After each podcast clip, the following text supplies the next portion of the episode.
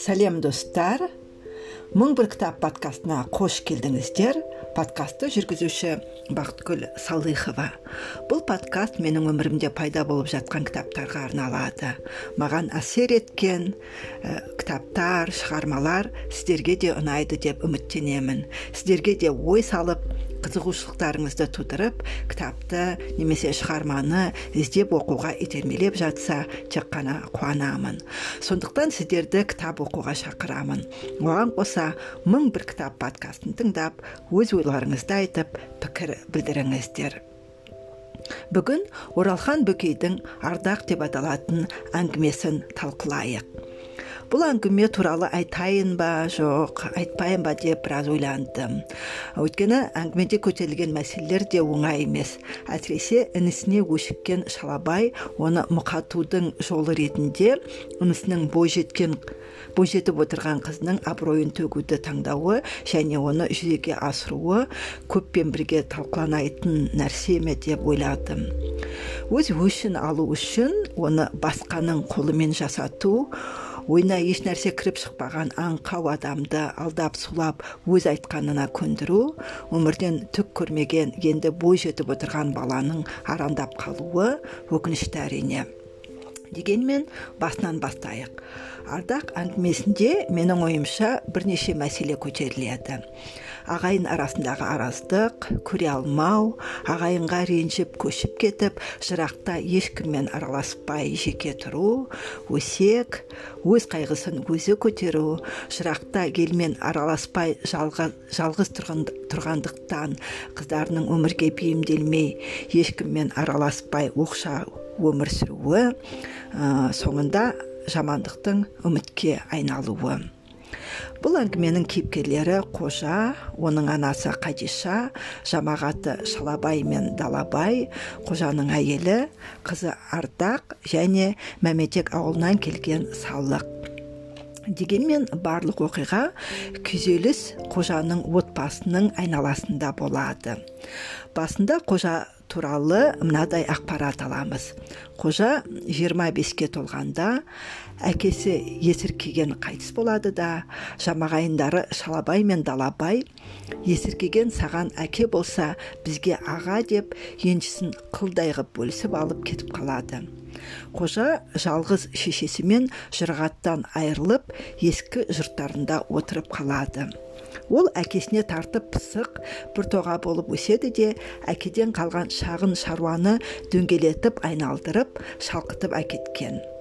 Қожаның өз ақылымен адам болып төрт құбыласын сай етіп алғаны жамағайындарының көңіліне қызғаныш ұялатып олар көре алмай күңкіл күңкіл сөз тудырады. Сонан соң қожа арғы ауылдан біреудің бүлдіршіндей жас қызын алып той жасап жатқанда өзі болған қыз төркінін танымас. Бізбен ақылдаспай әйел алып отыр бармаймыз деп үш төрт рет ат сабылтып кісі жібергенде де тойына келмей қояды. Шалабай мен далабайдың жат бауыр қайырымы жоқ қатыгез болып өсуі қожаның шешесі қадишаның көңіліне сынық түсіріп қайындарының айында жылында жеңеше аман отырмысың деп сәлем бермеуі де көңіліне қаяу түсіретін. Сөйтіп ә, қожаның анасы туыстардың бұл әрекетіне қатты ашуланбаса да баласына елден кетейік дейді. Ағайынмен алысқанша алысқа кетіп абыройыңды сақтағаның жөн балам. Ырылдаса беруге аналардың жүзі шыдап қара бет бола берсін. Сенің инабатың бар еді ғой. Ел жұрттан ұятты. Марқұм әкең көксе беретін жері бар еді ау. Сонау шырықты бұлақтың марқакөлге құяр сағасында иен жатқан алаңқай бар. Ауылдан безіп ауа көшіп кеткендердің алды арты біз емеспіз. Үйді жығып ертең таң құлан ектене аттанып кетейік сонда. Аш құлақтан тыныш құлақ деп айтып ұлын көндіріп елден көшіп кетеді. Содан бері де 25 жыл өтеді. Осы уақыт ішінде қожаның анасы қайтыс болады.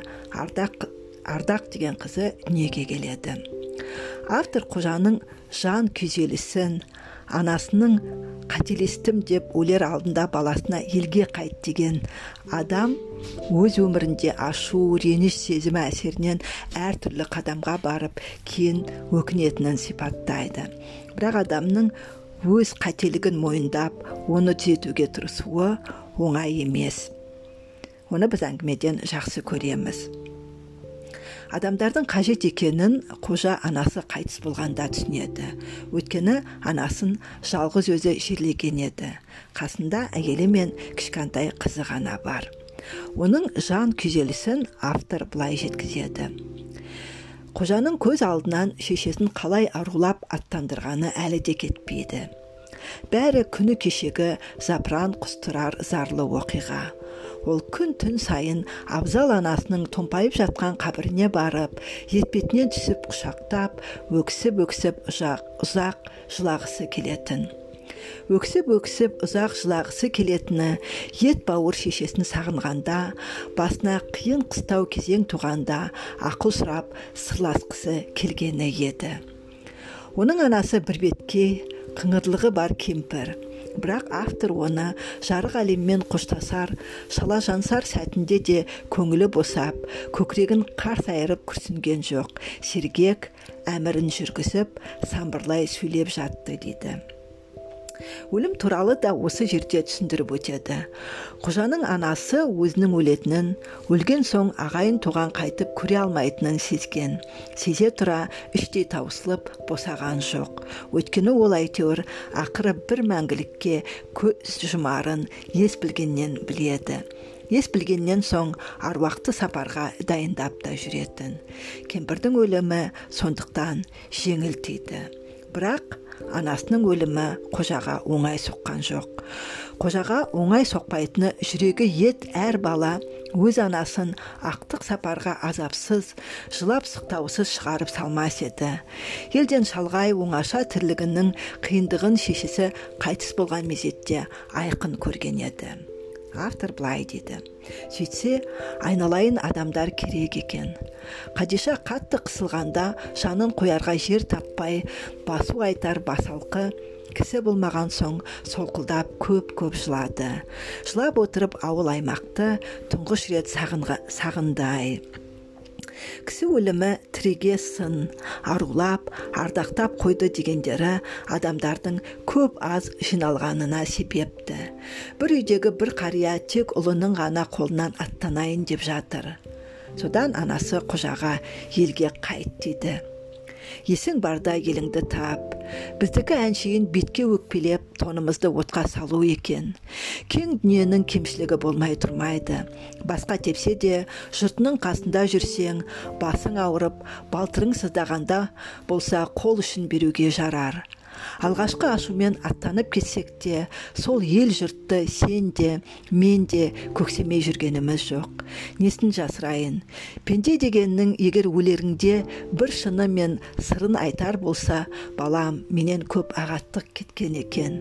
Ит жесе де қайтып еліңе бар еліңе бар.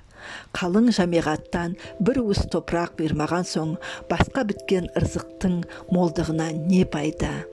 Біле білсең сүйегімді урар кебінде жоғау бұл айдаладағы адасқан үйде.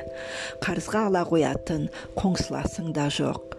Құдайдың тарттырған жазасы, жазасы да деп өкінеді. Қожа шешесінің қабірін жалғыз қазады. Жаңа ғана көмілген жас қабірдің басында үшеу тұр.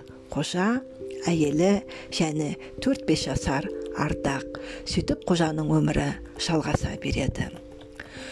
Қожаның қызы туралы автор былай дейді. Уақыт дегенің пенденің уысында тұрған ба? Кеше ғана айғайлап жарық дүниені аңсай алақанын жайған ертеңгі күнге талпынған ардақ 15-тен асып 16-ға иек артты. Ал 16 жас қыз үшін нағыз көктемнің көріктеп бір құлпыратын шағы іспетті ғой. Бір үйдің ұлы да қызы да өзі боп тым ерке тұтай шалықтап өскен ардақтың тілі де шолжың еді. Қаншама ысылдаса да ырға тілі келмей әке шешесінің дымын құртты. Тіпті ата анасы осы жалғыз қаріпті көп көп қауіп санап бойшаң тартып соқталана өсіп келе жатқан сүп сүйкімді қыздың бар бақытын жоқ ететіндей шошынатын. Бірақ ардақ үшін осылай сөйлесу керек сияқты еді. Әйтпесе құрланып бар еркелігінен бар ажарынан айырылып қалатындай әдейі шолжаң сөйлеп жүрді. Әкесі мен анасы жай қарапайым тұмаға тұйық өмір сүріп жатқан адамдар болса да қыздарының тағдырына алаңдап уайымдайтын. Әрбір ата ана сияқты қыздарының күйеуге шыққандарын да қалайтын өздерінше ырымдап жасауын да дайындаған болады.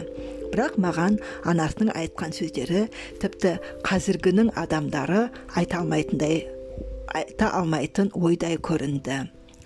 Қожаның жалғыз қызымыздың сақау болуы санымызды талай соқтырар әлі деген сөзі бар.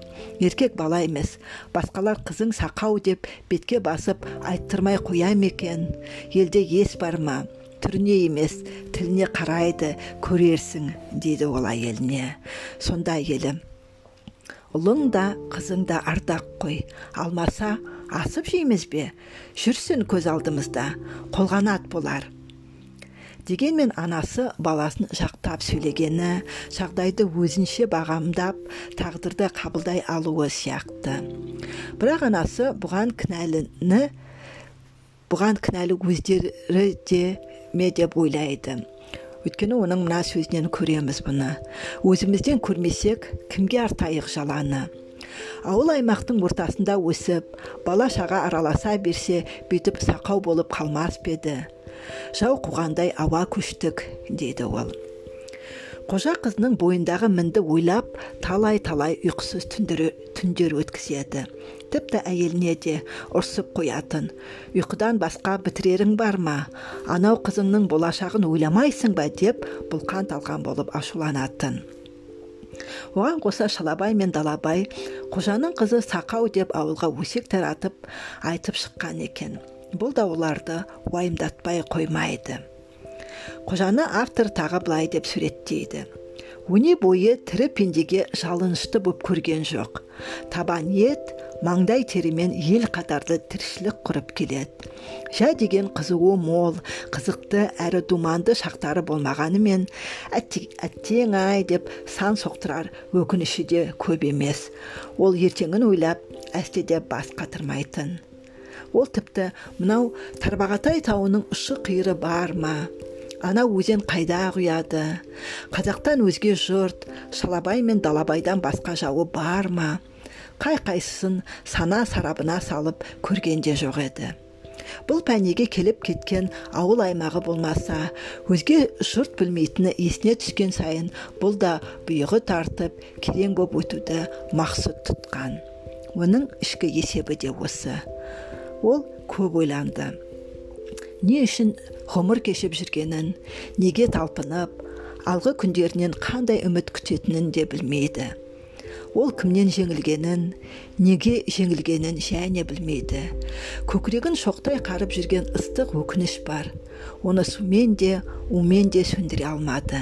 Қайта шыжылдатып қуырған сайын шиыршық атып ширай түсер. Көр көкіректе шер жоқ. Шерменделген уайым бар. Ел жұртын сағынбайды дейсің бе? Елін сағынғанда ол ақшоқының үстіне шығып алып ертеден қара кешке дейін арғы бетке ұзақ қарап тұратын. Сондықтан жалғыз үй ауыл емес екенін ол түсінетін. Ол құлақ етін жейтін қаңқу саңқу сөзден ғана қашпады. Қалың тобыр бар жерде болатын шамандық атаулыдан безген сияқты еді. Сөйтсе онысы бекер болыпты. Өйткені жамандықтан қашып құтылу қиын екен. Жамандық қайда болсын іздеп табады екен. Жамандық қайда болсын іздеп барады екен. Ол жалғыз қызы жамандық көрмей білмей өсуін ақ тілеген еді.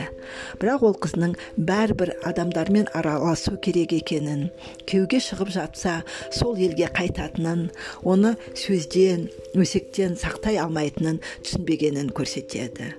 Автор қожаның ой толғанысы арқылы ағайын арасында өкпе болса да одан қашып құтыла алмайтыныңды ит те болса туғаныңды іздейтініңді айтады. Автор туыстар туралы рылдайсың қаппайсың содан артық таппайсың деді. Қожаны уайымдататын тағы бір нәрсе шешесінің елге бар деген өсиеті және оны әлі орындамағаны еді. Шақшадай басы шарадай болған қожа өзін екі оттың ортасында жүргендей дәрменсіз сезінетін. Неге ол елге қайтпады? деген сұрақ туындайды. Және ол сұрақтың жауабы мынада. Ол туған жерін өскен елін қаншама ет бауыры елжіреп жақсы көрсе де осынау шағын ғана шаңырақтың іргесі сөгіліп қариясы сұлап жатқанда сол елден сол ағайын туғаннан жаназаға бірде бір қатысып бір уыс топырақ салмағаны бірде бірінің төбесін көрсетіп көңіл айтып бата оқырға келмегені елжіреген ет жүректі суыта мұздата түсетін. Яғни ағайын туған анасын жерлеуге келмей қойғаны оған оның ашу ызасын келтіретін. Ол мәңгі бақида сол ауылға қайтып көшіп бармайтынын түйген көкірегіне. Шешесінің мүрдесін тастап қайда бармақ? Тіріде сыйласпаған өлгенде жыласпайды деген тегі рас екен. Заман деген қандай алақұйын едің? Мынау күздің аласапыраны секілді мынау күздің қатал да қатқыл суығы секілді. Мынау күздің өңменінен өтер ызғары секілді. Мынау күздің қош қошын айтып өлімсірей сарғайып бара жатқан өңі секілді. Тегі мынау астындағы атын тебініп қалғып шұлғып келе жатқан қожаның өмірі секілді. Қандай әдемі теңеулер және сипаттау. Яғни бұрынғы өкпеге тағы реніш жалғанып оны елге қайтпастай еткен ғой. Қожаның елге қайтпайтынын автор жолда туысы шалабайды көргенін сипаттағанда тағы бір көрсетеді. Алыстан көрген сұлбадан туысы шалабай екенін түсінген қожа а құдай! деді ішінен. А құдай өзің жар бола көр ата жауым сен болсаң атыммен соғып қарсы алайын торы шолағынан қарғы түсті де атының айылын шаптай тартып тымағын басына киіп бауын байлады. Торы шолаққа секіріп қайта мініп қамшысын оқтап ұстаған түсі бұзылып тісін шақыр шұқыр қайрады да есіркеген есіркеген деп ұрандай ұмтылды ағасына. Шалабай да саспайтын марқасқа екен. Бұл да атының айылын мықтап тартып тымақ бауын байлаған да есіркеген есіркеген деп ақырып жіберіп қарсы тебінген-ді жалғыз аяқ жолда жолыққан ағалы інілі жау жетіліп құйын перен шауып ағып өте бере қамшымен бір бірін салысып қалды. Бірақ екеуі де қайтып қайрылған жоқ. Қайта беттесуге жүздері де шыдаған жоқ. Автор бұл әрекеттерін былай бағалайды.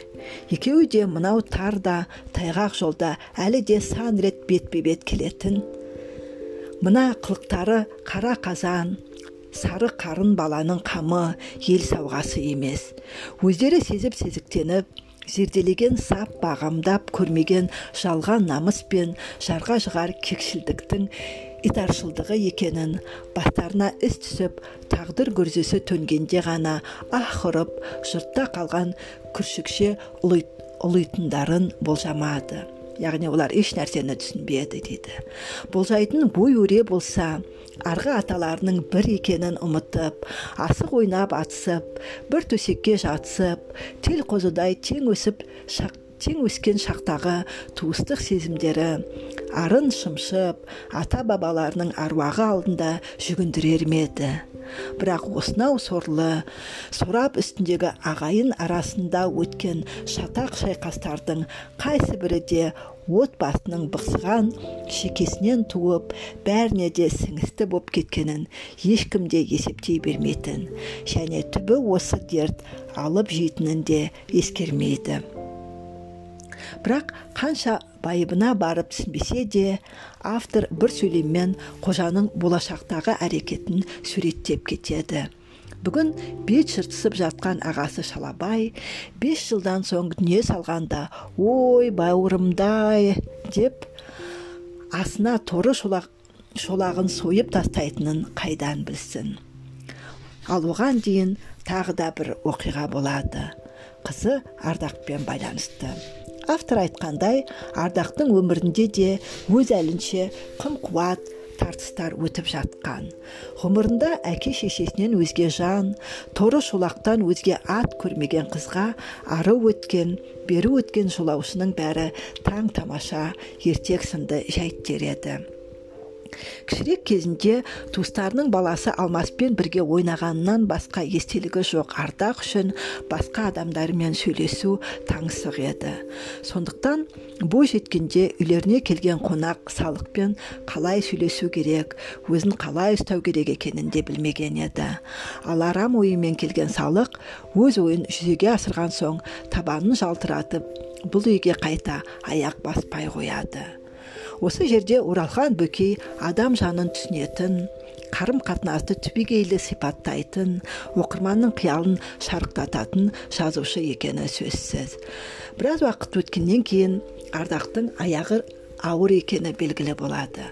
Оған қоса мұны жамағаты кек алу мақсатында әдейі жасатқаны да анықталады. Автор оны былай суреттейді. Бұның бәрі шалабайдың айтағы еді. Інісіне шындап өшіккен шалабай қайтып мұқатудың айла шарғысын іздеп жүріп солқылдап бойжетіп отырған ардақтың абыройын төгуге байлам жасап ауылдағы ең еті тірі жылпос жігіт салыққа астыртын қолқа салған. Қожа сақау қызын ұзатып қалың мал алмақ қой кей ақмақтар тіліне емес түріне қарап айттырып қояр. Тілеуіңді құдай берсін. Сол қыздың шаруасын барып тамамдап қайт деп қадалған соң атқа қонған салық. Салық сияқты адамдар біздің өмірде де бар ғой. Сонда олар не үшін өз әрекеттерін жасайтыны түсініксіз. Біреудің айтақтауымен біреудің айтуымен күнәсіз адамға қиянат жасау қандай қуаныш әкеледі бұл сұраққа менде жауап жоқ. Оның әрекетінің мәнісі неде? Бұл мақтанарлық іс. Сөз қылып айталатын іс пе? Жазушы осы адамды сипаттағанда оқырман оны өмірден жазбай танып сондай адамдардың қолына түсіп қалмасын деп ескертіп жасау жасап отыр ма? Әлде ер жігіттерге мұндай пасық қадамға бар ма? Біреудің обалына қаласың деп кеңес беріп отыр ма? Ол жағы да беймәлім. Дегенмен оқырман өз ойын қорытып жақсы жағын таңдары сөзсіз. Осы оқиғадан кейін қожаның тағы өзгергенін көреміз. Ол кемпірі құлағына сыбырлап мән жайды айтқанда әйелін соққыға мықтап жығады отыз жыл отасқан кемпіріне тұңғыш рет қол көтереді. Ол торы шолағын мініп тау асып қашып кеткісі келген. Мынау тірі қорлықты көрмей мерт болғысы келген. Бірақ оған болмайтын іске бордай егілмей болаттай берік болу ғана қалыпты. Қожа бірақ күнде күрт түсіп жүні жығылып жүдеп кетеді. Бұрынғыдай емес ашу шақырып жүре де алмайды. Осы кезде ол елге көшіп бармағанына тағы да өкінеді. Осы арада әңгімедегі анасы мен қызының сөйлескені де назар аударуға тұрады. Мүмкін бұл өмірінде бірінші рет ана мен қызының әңгімесі болған болар. Автор бұл әңгімені бұл әңгіменің кеш айтылғанына өкінеді. Егер бұл әңгіме ертерек мысалы сегіз жасында айтылса мүмкін дәл осындай ағаттық жіберіп әке шешесін осыншалық сарсаңға салмас па еді дейді. Ардақ анасынан ғашықтық деген не деп сұрайды?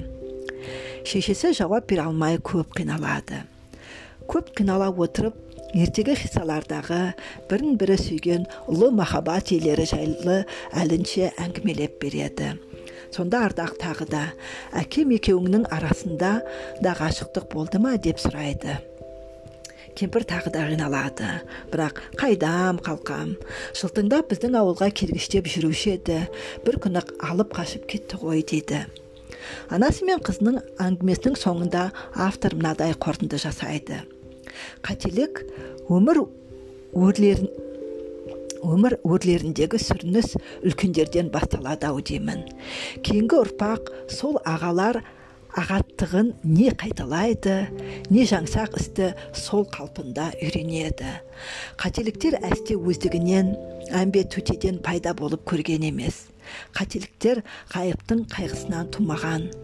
Төрткүл дүниедегі әр минут сайын теріс қағыс атталып жатқан қадамдардан бір кезде қате басқан адамдардан келер ұрпаққа ауысып отырған секілді.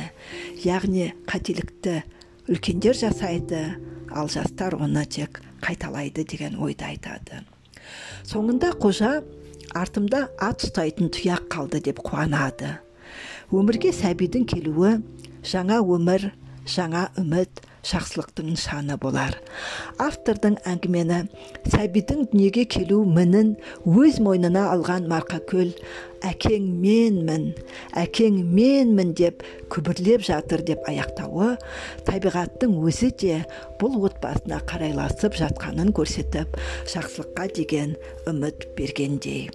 Біз де сол үміттен біз де үміттенейік үмітімізді үзбейік бүгін сіздермен оралхан бөкейдің ардақ деп аталатын әңгімесін сөз еттік. Қандай шығарма оқысаңыз да бірде мұңайып бірде қуантып бірде ашу жаңды келтірсе де адам тағдырын сипаттайтын жазушылар дегенмен жақсылықтан да үмітін үзбеуге шақырады. Сондықтан жақсылық болады деп сенейік үміт үзбейік қуана өмір сүруге тырысайық. Біздің де сіздердің де кітап оқуға деген құштарлығымыз азаймасын осымен мың бір кітап подкастының тағы бір шығарылымын аяқтаймыз. Сіздермен бірге болған бақытгүл салыхова құрметті тыңдарман кітап оқыңыздар ойларыңызды кеңейтіп өздеріңізді дамыта түсіңіздер. Сіз өзгерсеңіз әлем де өзгереді. Келесі кездескенше.